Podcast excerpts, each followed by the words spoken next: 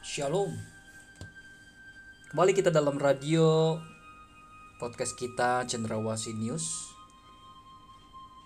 Sahabat yang kekasih dalam Tuhan Yesus Kristus. Dalam tema hari ini istri penolong atau perongrong.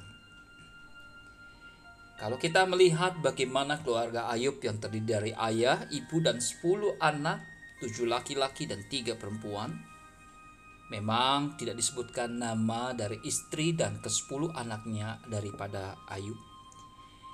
Hanya disebutkan nama kepala keluarga yaitu Ayub, saudara. Ditambah dengan keterangan bahwa ia adalah orang yang saleh dan jujur, takut akan Allah, dan menjauhi diri dari segala kejahatan dan Ayub memiliki segala kekayaannya. Saudara kekasih dalam Tuhan, wanita mana yang tidak mendambakan suami yang kaya dan saleh? Dan karena kesalehan hidupnya, otomatis ia tidak akan menyeleweng saudara. Apalagi beristri lagi. Ayub tidak mempunyai masalah pribadi atau dengan anak-anaknya tetapi ia memiliki satu masalah pribadi dengan istrinya. Sebutkan saja istrinya ini bukan sebagai penolong, melainkan perongrong. Istrinya bukan mendukungnya di dalam doa saat Ayub mengalami masalah. Malah menyumpainya supaya mati dan menghujat Allah.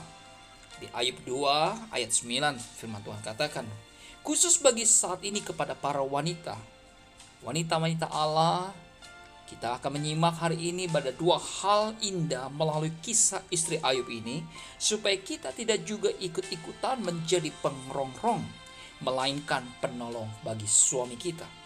Puji Tuhan, saudara, ada dua hal yang akan saya mau bagikan kepada saudara. Yang pertama adalah istri dapat menjadi perongrong bagi suaminya, dan jika ini terjadi, maka akan hancurlah keluarga tersebut. Saudara, istri menjadi perongrong jika ia melalaikan kodratnya sebagai wanita dan ibu rumah tangga.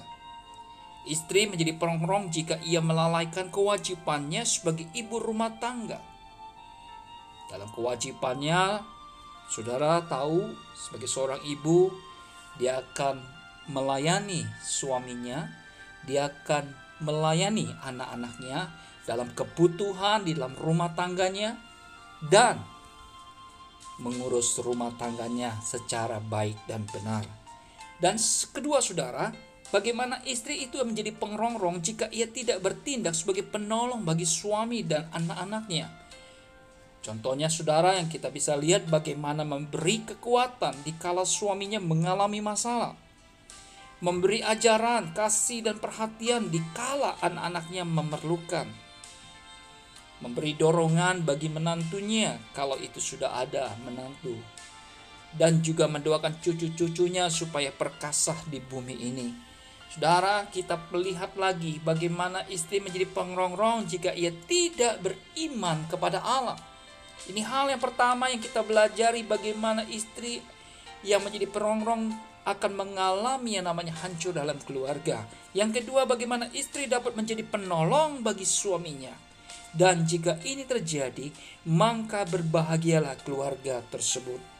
Saudara, jika istri menjadi penolong, maka ia ibarat barang yang lebih mahal dari permata dan emas. Jika istri menjadi penolong, ia dipuji oleh suami dan anak-anaknya. Jika istri menjadi penolong, maka ia menyukakan hati Allah yang menjadikannya dia sebagai seorang wanita dan seorang ibu. Saya percaya hari ini firman Tuhan yang mengajarkan hari ini dalam renungan bagaimana istri apakah menjadi penolong atau perongrong. Biarlah saudara akan mulai diingatkan hari ini. Bagaimana Anda adalah seorang ibu. Anda adalah orang yang telah dipilih Allah menjadi penolong di dalam suamimu, yang menjadi seorang ibu bagi anak-anakmu. Mari hari ini sikap kita menentukan segala sesuatunya. Kalau kita tidak mulai dari sekarang, kapan lagi kita akan berubah? Biarlah apa yang Alkitab sudah katakan bagaimana istri sebagai penolong, biar itu kita terus belajar. Bukan lagi menjadi pengrong-rong. Kita percaya hari ini Berkat Tuhan melimpah bagi seorang ibu yang mengasihi Tuhan, sebagai seorang istri yang mengasihi Tuhan. Biarlah hari ini menjadi berkat ketika engkau mendengarnya.